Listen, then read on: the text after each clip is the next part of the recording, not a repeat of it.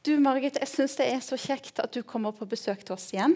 Jeg sier takk for invitasjonen. Ja, Du har vært her før, men ikke her.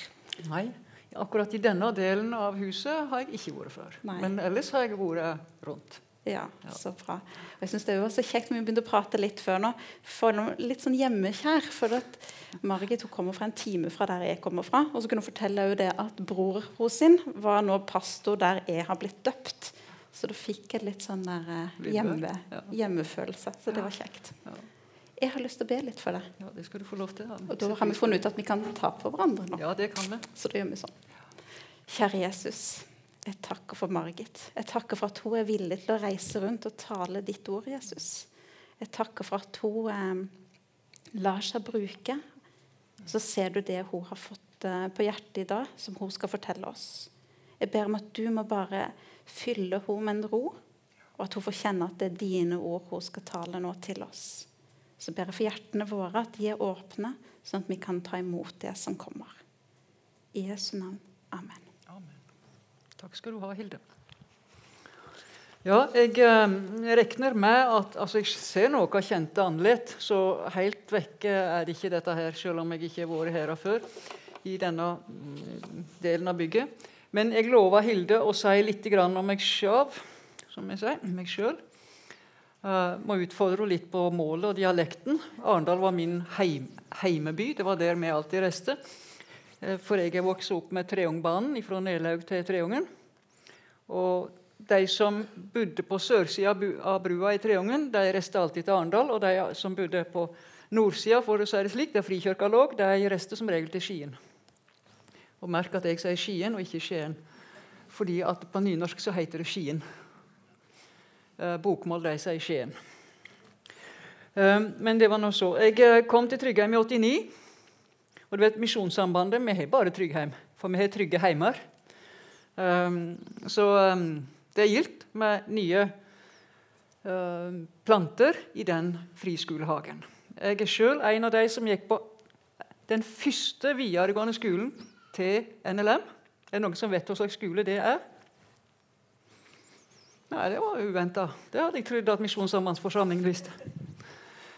Den fikk vi på Kvitsund i Kviteseid kommune, eller Kvitsøy i 1974. Og Første rektor var Jostein Stokland fra Voll på Klepp. Um, og han uh, lever fremdeles, så vidt jeg vet. Iallfall etter de kontaktene jeg har med han og familien. Men uh, jeg var andre kullet. Jeg gikk der fra 75 til 78. Så vet ikke han det. Og så har jeg jo vært elev på Drottningborg, og så har jeg undervist på Tryggheim. Så også vært på Fjelltun selvsagt, og der fikk jeg òg et godt bibelsk fundament. Ellers er jeg fremdeles velsigna med at jeg er alene, enestående. Um, har mange gleder av det, og um, har mange utfordringer med det i vårt samfunn. Og Det har jeg òg lyst til å slå et slag for før jeg begynner å preke. Og dele det med dere. Og nå kjenner jeg at jeg blir litt grepen. For jeg skulle ønske at vi som er enestående, kvinner og menn,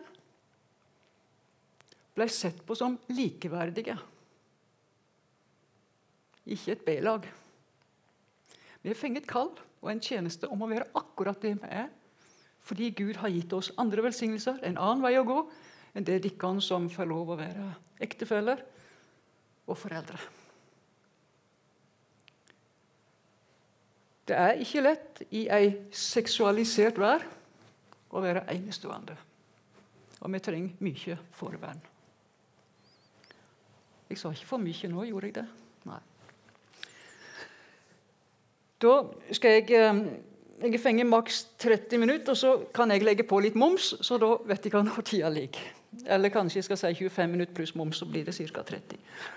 Men jeg har sett som overskrift, og det så gjorde jeg av den der lathansen jeg hadde. Der var den.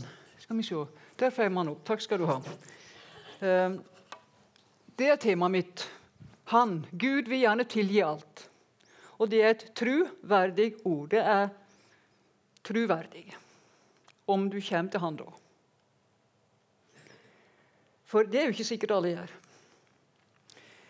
I Dresden så er det et museum, og på det museet så er det ei jernkule som er delt i to. Og Det er rett og slett plassert der fordi det var en eh, prins som var forlova med ei prinsesse. Og han ga henne denne jernkula i gave. Og hun ble så sur og så fornærma. Ærlig talt kan du ikke gi meg noe annet enn ei jernkule. Så hun smelte den i gulvet, sint. Og så delte den seg. Og så inni så var det jo ikke bare tull og fjas. Det var ei sølvkule inni den. Wow! Så tok hun den opp, og så viste det seg at det var et fjør på den. Hun kunne åpne den. Og inni den så var det ei gullkule. Og den kasta jo ikke fra seg. For da ble jo jernkula mye mer verdifull. Og på toppen av alt, når hun da trykker på det som hun måtte trykke på for å få åpne denne jernkula, så lå det jo en fabelaktig flott ring. Var ikke noe tull hun hadde fått av forloven sin. Det var jo verdifullt. Og så er det jo det som ligger i den første setningen, som du ser på det som jeg har sett som overskrift. For det er nemlig sånn at veldig mange mennesker har det samme forholdet til Bibelen som denne kvinnen har til jernkula. Den bare ligger der. Òg i mange kristne sitt liv. Den er for tung. Vi makter det ikke. Men så går vi på møte iallfall én gang i veka. Ja, jeg vet at det er noen som har bibelgrupper og husfellesskap, og sånt også, men, men sånn på de jobben så søker vi et fellesskap. Men Bibelen den åpner vi ikke veldig ofte. Selv om mange har den på mobilen. Men det å ha bibelboka, det er noe annet. Og så kjenner jeg litt sorg. For det er så gildt å lese Bibelen. Og så blir det bare gildere og gildere for hvert år. Og Jeg hørte om en kar som hadde begynt å lese i Bibelen. For Han syntes det var litt flaut å være godt voksen og ikke kjenne Bibelen bedre enn han gjorde. Så han begynte i første Mosebok. Og For de aller fleste så går det greit. Eh, de første kapitlene der om skaping og alt det, det er masse spørsmål. og sånt. Så kommer du til Noah, og så, og så kommer du litt lenger uti. og så kommer du til kapittel 12, og så begynner dette med Abraham. Og sånt, og så, ja, og så går det videre til, til Isak og til Jakob. Og Så følger du det ut, og så kommer du til andre Mosebok. og for det er jo kjekt å liksom om Josef da, fra kapittel 36-7. Men når du da kommer i andre Mosebok, så begynner det å bli litt tyngre. når du i alle fall har vært litt i eiemarka. Og så, og så, kjenner du på at nei, nå, nå, nå, må jeg jobbe for å komme videre. For ikke å snakke om når du kommer til slektstavlene. Men dere, når du har lest det noen ganger som denne karen da begynte med Han leste fem ganger leste han i Bibelen. Fra A til Å. Og Så kom han til en kar. Og i og med dette blir lagt ut på nettet, så skal ikke jeg si hvem han kom til. Men han kom til en kar og så sa han, vet du en ting, sa nå har jeg lest Bibelen fem ganger. Fra A til Å. Og det er det gildeste prosjektet jeg har hatt i mitt liv. For brått så har det begynt å gå opp for meg hvem Gud er. Jeg har fått et helt annet forhold til Gud. Og når jeg fikk dette servert ganske tett på, så måtte jeg si amen. Jeg skriver under på det. Jeg har også lest Bibelen noen ganger, men du kan telle de på ei hånd, men du må iallfall gange det med ti, sånn bortimot. Og Det er ikke noe som er kjekkere enn det å lese Bibelen. Det er en jernkule. Og det er en rød tråd. Jeg tror det er en, Nei, det var ikke den. Da må vi tilbake. Da skal vi vente litt. Vi skal lese teksten. Eh, den røde tråden i Bibelen den er at Gud gjerne vil tilgi alt. Da jeg tatt tre vers fra Jesaja-boka som jeg hadde lyst til å dele med deg. 55, 7-9. Den gudløse må forlate vegen sin og den urettferdige tankene sine. Og, ja, se, der kom teksten. Og vende om til Herren, så skal Han miskunne seg over Han, og til vår Gud, for Han vil gjerne tilgi alt. For mine tanker er ikke dykkar tanker, og dykkar vegar er ikke mine vegar, sier Herren. For liksom himmelen er høyere enn jorda, slik er mine vegar høyere enn dykkar vegar, og mine tanker er høyere enn dykkar tanker. Det er et troverdig ord, fullt verdt å ta imot. Kristus Jesus kom til verden for å frelse syndere. Og fra Jesus Kristus, det troverdige vitne, den førstefødte av de døde og herskeren over kongene på jorda, han som elsker oss og løste oss fra syndene våre med sitt blod, står der i åpenbaringsboka. Det fins jo ikke noe større enn det. Dette er den røde tråden gjennom alt du leser. Fra første Mosebok kapittel 1 til åpenbaringsboka. Men så er det jo noe innimellom som jeg syns treffer sånn beint på. Og Det er to personer.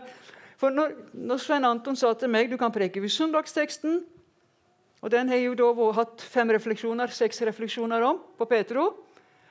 Eller du kan velge et tema du brenner for. Så svarte jeg Svein Anton at jeg er litt usikker, men jeg må se. Og jeg tror jeg sendte han en ny melding der jeg skrev hva jeg kom til å gjøre. For dette brenner jeg for. Og Det er to personer jeg aldri håper at jeg blir ferdig med i Bibelen. Og Det er ikke fordi at jeg er gode eksempel sånn i menneskelivet, men så er det noe likevel som Gud forteller meg. Og jeg er mer opptatt av det Gud forteller meg gjennom deg, enn det jeg kanskje leser om deg. Jeg tror ikke jeg har lagt den teksten fram, men jeg har lyst til å nevne den ene først. Eh, fordi han, eh, han gir et eksempel som ja, Jeg vet ikke om du har lest så mye om han forresten. Det er ikke sikkert så mange som er i andre kongebok sånn til vanlig. Men i kapittel 21 i andre kongebok der står det sånn om en kar. og Jeg skal lese ifra Jeg tror ikke jeg har den på. Nei, jeg har ikke det. Eh, men eh, den, den, teksten kan stå mens jeg leser. Andre kongebok 21, 9-12. Jeg har lyst til å, å, å, lese den sånn at du får et lite innblikk i dette. her. Folket vil ikke høre, og Manasseh førte dem vill, så de gjorde enda mer vondt enn de heidningene folka, heidningefolka Herren hadde rutt ut for Israelsbarna. Og Da taler Herren gjennom tjenerne sine, profetene, og sa fordi Manasseh, kongen i Juda, har gjort slik, slike avskyelige ting, ja, gjort det som er verre enn alt det amorittene som var her før han gjorde, og jammen lokka Juda til synd med de motbydelige avgudene sine. Derfor, sier Herren Israels Gud, se, jeg fører ulykke over Jerusalem og Juda, så det skal ringe for begge ører på hver den som hører om det.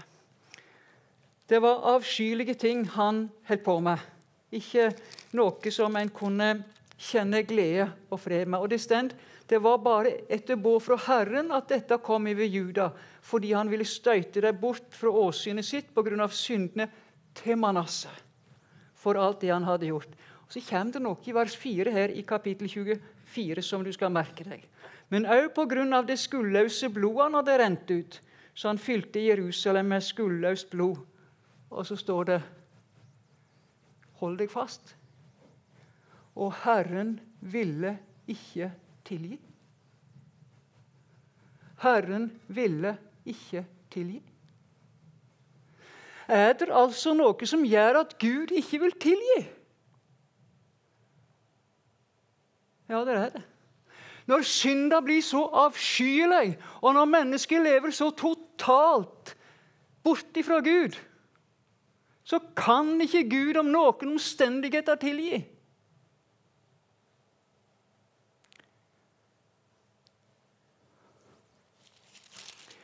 Og Da må jeg ta deg med til andre krønikebok, kapittel 33. Og så skal du, skal du høre noe forunderlig her.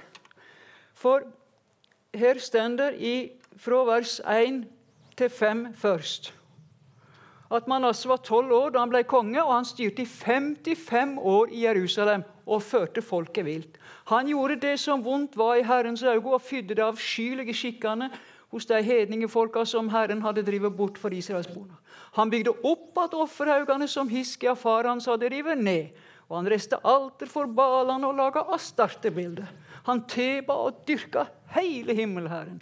Han bygde alter i Herrens hus, enda Herren hadde sagt i Jerusalem skal navnet mitt bo evig. Ja, han bygde alter for hele himmelherren i begge forgårdene til Herrens hus. Blir du forfrysninger av å lese dette? Det er jo ramsalt alvor. Ramsalt alvor. Men så står det noe her ifra vers 9. Men Manasseh han lokka Juda og innbyggerne i Jerusalem, så de gjorde enda mer vondt enn de hedningefolka som Herren hadde rødt ut for israelsbarna. Ja, det, det, kan vi forstå. At, at, Herren måtte gjøre noe med han, For han taler til Manasseh, og så sier han Når han hadde talt til dem, men de brydde seg ikke om det. Nei. De brydde seg ikke om det. og Derfor let Herren hærføreren til asyrkongen komme over dem. Og Der fanga Manasseh med kroker og batt han. Med to kopperlekker og førte han til Babel. Men, står det Jeg var litt tidlig, for det står i vers 12. Men da han var kommet i nau, ba han til Herren sin Gud og audmjukte seg djupt for åsynet til sine fedrers Gud. Og da han ba til Herren, avviste Gud han. Gud hadde jo sagt 'Jeg vil ikke tilgi'. Hva står det? Vart han bønnhørt? Han ble bønnhørt. Han som hadde gjort de groveste syndene som tenkes kunne. Og som Gud hadde sagt 'Jeg vil ikke tilgi, for jeg kan ikke tilgi deg', Manasseh. Nei, han kom til Gud. Ja, Se her, nå er jeg eh, ja, liker litt etter, men det gjør ikke noe.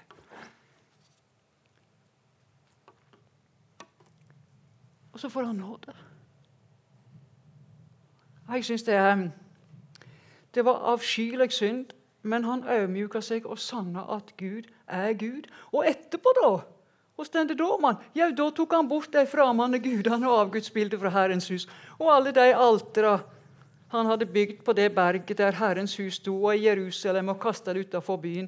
Og Så satte han Herrens alter i stand og bar fram fredsoffer og takkoffer på det. Og så påla han Juda å tjene Herren Israels Gud.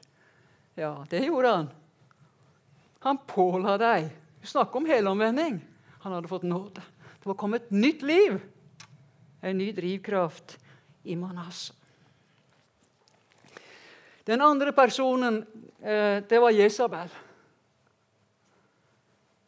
Hun var gift med Akab, kongen i Israel. Og Isabel hun var jo prinsesse, datter av en konge i, som òg um, var prest i Baal-tempelet. Og um, er jo ei kvinne som jeg vil tro de fleste kristne som, som har lest i Bibelen sin, kjenner at oh, det er et ufyselig navn. Fordi at Bibelen har, på lik linje med det som blir skildret om Manasseh, sterke ord om, om prinsessa Jesabel.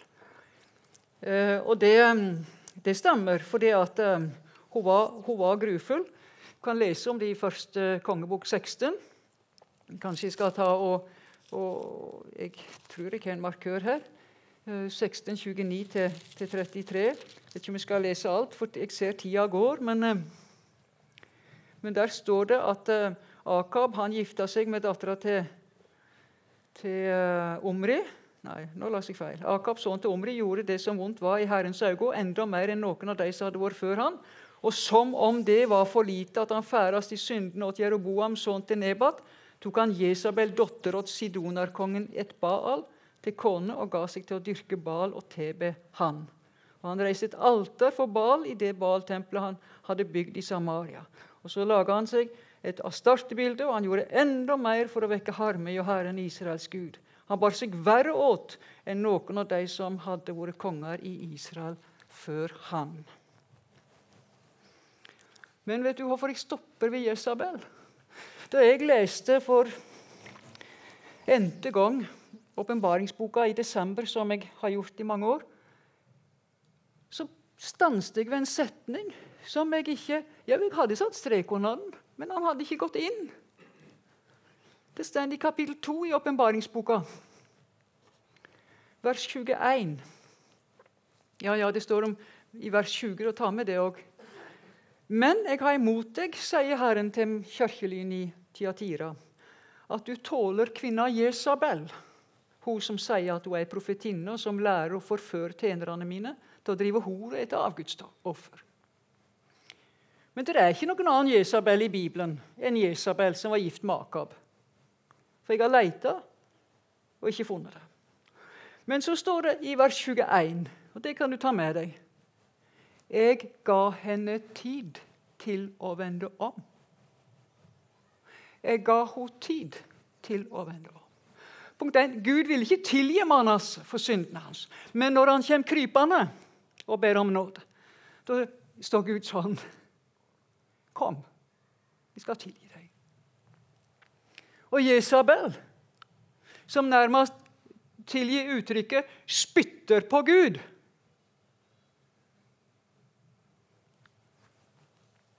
Jeg ga henne tid til å omvende seg. Om, om, du klarer å forstå den røde tråden i Bibelen om Gud som står slik Ikke for at du og jeg skal få lov å leve som vi vil. Nei, men når vi kommer, hvis vi kommer, når vi kommer, så står Gud sånn. Men det som er sårt i vers 21, det er Men hun vil ikke.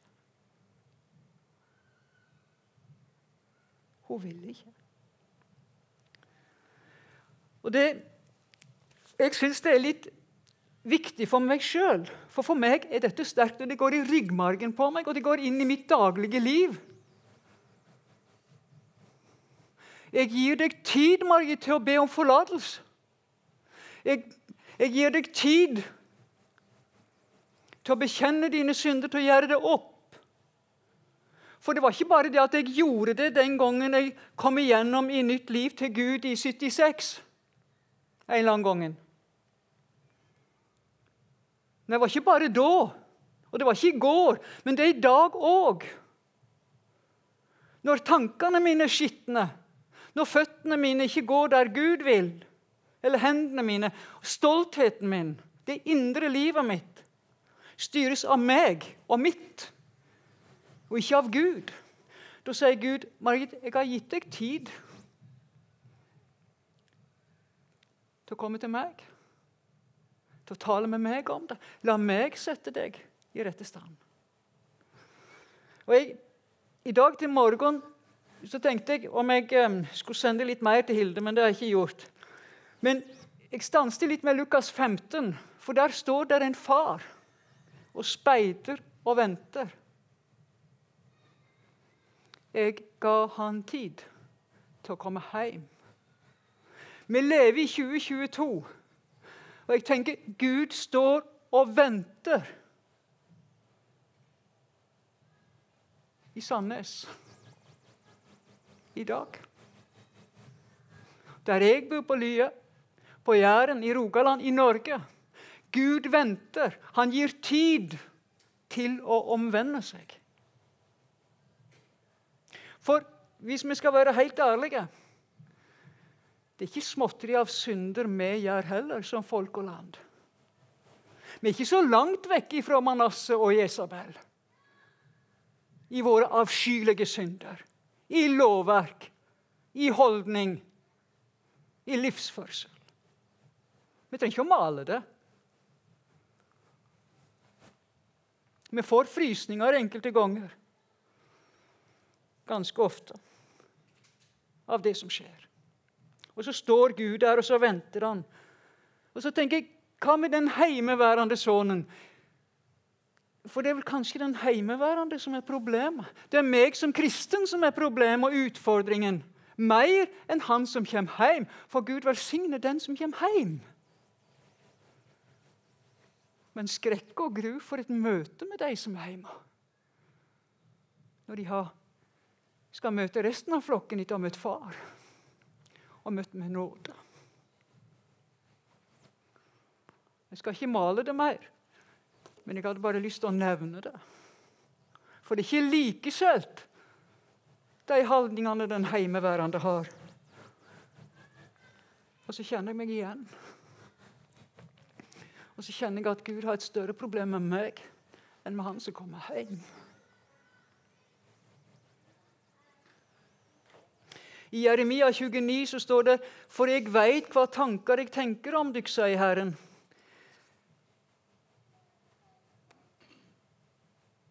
Ja, jeg kom, ja, men det var det ordet der. Ja, Nå skal vi tilbake igjen. Kan den andre stå? Vil han ikke tilbake igjen? Der kom han. Skal ta det, dette her først. Det er tanker til fred og ikke til ulykke. Jeg vil gi deg framtid og håp. Det skal søke meg, og det skal finne meg når det søker meg av hele hjertet. Ja, hva for tanker var det? Ja, Det var frelsestanker, både for deg og for meg. Vi er ikke hjemme ennå. Ikke jeg, iallfall. Jeg er hjemme i den kristne flokken, men jeg er ikke hjemme hos Herren ennå. Og underveis så kan det fortsatt skje mye. Det er ikke selvsagt at jeg som var en kristen og er en kristen i dag, kan bli berga. Jeg kan trå feil. Hovmodet mitt, stoltheten. Det er så mange ting som lurer for å felle meg. Men jeg finner veien hjem igjen, til far. Men det er alltid noe som, som ligger og lurer. Men Gud vil meg det beste, og han er med meg. Og Så trenger jeg å lese i Bibelen for å bli minnet om det. Han går med meg. Han går før meg. Jeg skal ikke male om det, men jeg tror jeg har vært gjennom noen tornefulle veier. Noen steinete veier. Jeg har hatt mange sår. Jeg har mange ømme arr. Både fra den kristne forsamlingen og fra livet. Fra tidlig i livet. Veldig tidlig i livet. Ting som smertesomt òg i dag. Men så vet jeg det, at det er en som går før. og Så går han ved siden av meg. Og så ja, Jeg har vært litt ironisk og såra noen. Eller kanskje ikke sett den jeg burde ha sett. Så går han etter meg. Og så kanskje minner han meg på det, og så når jeg kommer til meg sjøl, så kanskje jeg sender den meldingen eller tar den kontakten som jeg skulle ha tatt og vært oppmerksom der og da. For han vil jo så gjerne at jeg òg skal holde hans spor, være det han vil jeg skal være. For jeg er jo et plante i Guds hage, og det er du òg. Vi lever ikke for oss sjøl. Dersom de elsker meg, ja, da holder de båa mine. Jeg leser Johannesevangeliet nå. Og Selv om det går ut på nettet, så kan jeg si at min mor hun er et eldre menneske. Og har mista synet mer og mer, så kan ikke lese sjøl. Så hver ettermiddag så sitter jeg mener på Komp. Det er så mye flott i helsevesenet nå. De har så mange flotte hjelpemidler. Og Det er noe som heter Komp. og Det betyr at jeg kan ringe henne fra min mobil på Internett. og Så sitter hun med en litt sånn stor iPad-skjerm. Og Så ser hun meg, og jeg ser hun, hvordan hun har det. Og alt det der. Og så kan jeg prate med henne, og hun opplever hver gang at jeg er der. Og så gildt å besøke deg, Maritza. Og så sitter jeg hjemme på Lya. Og så leser Jeg jeg begynte i Matteusevangeliet, og nå er jeg kommet til Johannesevangeliet. Og her Forrige dagen når vi leste Johannes 14, så tenkte jeg å ja, jeg må ta med dette på søndag. Den, dersom det elsker meg, da holder båa mine. Og den som har båa mine og holder dem, han er den som elsker meg, og den som elsker meg, skal far min elske. Dere som er gifte, er dere glade i ektefellen deres? Fordi dere skal få noe tilbake igjen? Eller gir dere og gir? Og så hauser det hverandre opp, holdt jeg på å si, fordi det er en gjensidig kjærlighet. Dere ser hverandre. Det koster ikke noe å være glad i et menneske. Gjør det vel? Du har lyst til å ja, heie den andre fram. Og så Kanskje også du har det sånn at du har lyst til å ligne ektefellen din hvis vedkommende har gode ja, gode egenskaper som du òg har lyst til å ha. Og så kan en hjelpe hverandre. Så tenker jeg Ja, når jeg leser i Bibelen, så har jeg lyst til å ligne Jesus. Jeg, jeg har lyst til å være som han. Jeg får det ikke til, men jeg har lyst. Og så er jo det det viktigste. Og Så kan det hende at han sier at, ja, at han kan gi meg et klapp på skuldra. Jeg vet ikke om han gjør det, men det har ikke gjort noe. Jeg har lyst til å ligne. Og så er det et troverdig ord. At han som eh, elsker komme på den måten som han gjør med å gi seg sjøl, det er helt ubegripelig. Det er helt ubegripelig. Nå, jeg har lagt inn Nei, det har jeg ikke lagt inn. Det var dumt. Ja, men da, da skal jeg finne det fram, for det, det, er noe som, som uh, jeg syns er helt ubegripelig, som står i bibelboka, at det, la det huglaget være i dykk som òg var i Kristus Jesus. Da han, som, da han var i Guds skapende, ikke holdt det for et røva bytte å være Gud lik. Men han ga avkall på det. Det er kjærlighet, det og tok en tjener skapende på seg. Og da han kom og ble menneskelik, og da han i sin ferd var funnet som et menneske, fornedret han seg sjøl og ble lydig til døden, ja, døden på krossen. Og Så las jeg i Johannes 11 her i siste uke med mor mi. Og så måtte jeg stanse med det som står her i Johannes 12. 20, skal vi se, Kanskje jeg har skrevet feil òg nå? Det er ikke utenkelig at jeg har gjort det. Eh, men eh, ja, hvis jeg er på dette kapitlet, så finner jeg det. vet du, Da er det ikke vanskelig. Den som vil tjene meg, han litt fie meg, og der jeg er, der skal tjeneren min òg være. Om noen tjener meg, da skal Faderen ære han. Og så kommer det noe fra Jesus som jeg har lyst til å stanse litt ved før vi avslutter. Nå er sjela mi full av uro. Og hva skal jeg si? Far, frels meg fra denne timen. Men nei, det er jo derfor jeg er kommet til denne timen. Herlig er navnet ditt, far. Og Da kom det røyst ifra himmelen. Jeg har herliggjort det, og jeg skal atter herliggjøre det, sier Gud. Det er et truverdig ord og vitnemål. Og På nettet så står det at det er truverdig. Det er noe som med stor sannsynlighet er forenlig med sannheten som man kan tro på.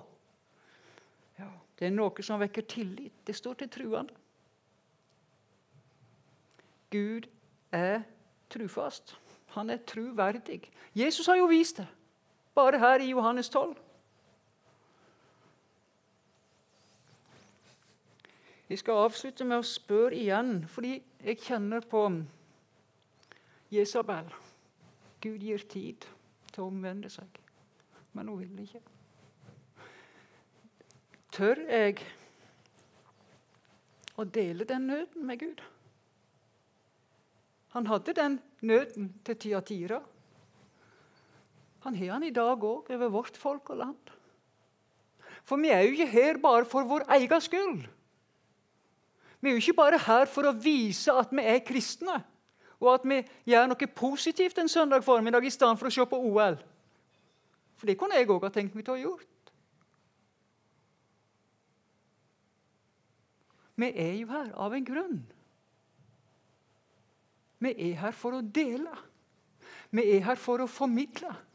Vi er her for å få næring for de fotefarer vi skal sette resten av dagen og i morgen og de dagene Herren gir, i resten av vårt liv.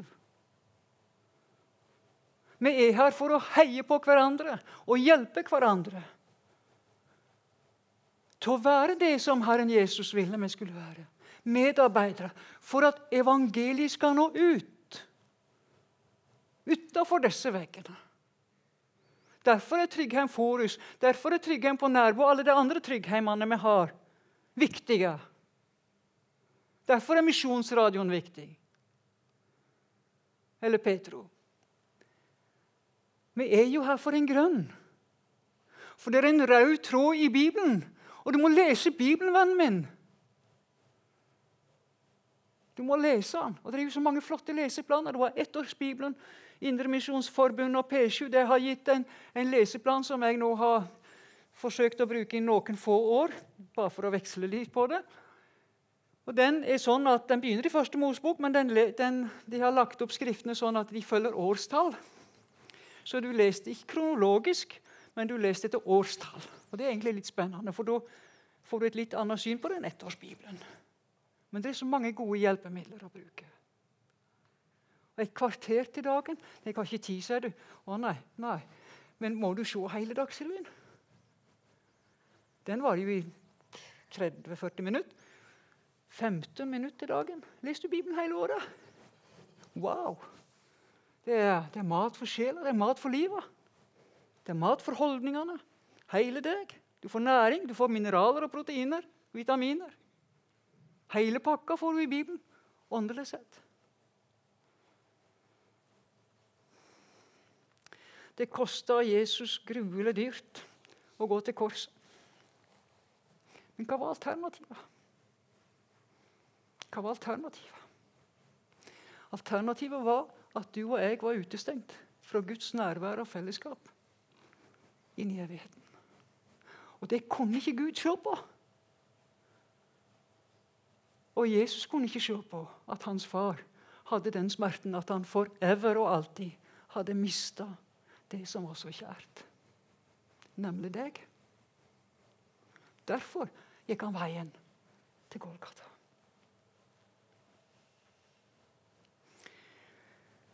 Skal du og jeg la jernkula ligge uåpna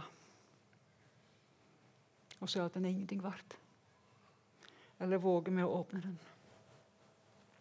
hver eneste dag? Skal vi gi den en sjanse, denne Bibelen, som er så kjær, og som betyr så uendelig mye for livet? Jeg hadde ikke tenkt å si det, men jeg skal si det likevel nå. Kanskje skal vi begynne, du og meg, i den kristne forsamling å tale sant om livet vårt. Våge å la maska falle og se at vi trenger forbønn, hver og en som sitter her. Vi bærer på noe, alle sammen, i våre liv. Skjult. Vi trenger ikke å skrive om det i verken Sannhetsposten eller noen annen post.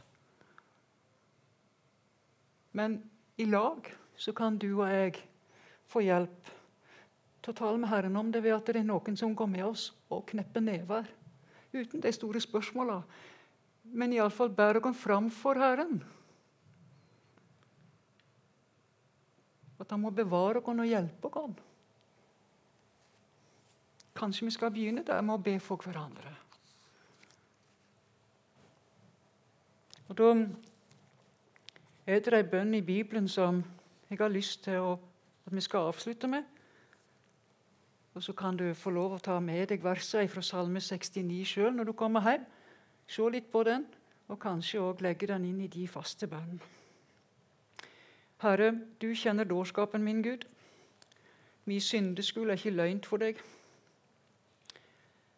Men jeg ber deg, la La de ikke være til skamme på grunn av meg, de som venter på deg, Herre, Herre allherrs Gud. La de ikke være til spott på grunn av meg, de som søker deg, Israels Gud. Amen.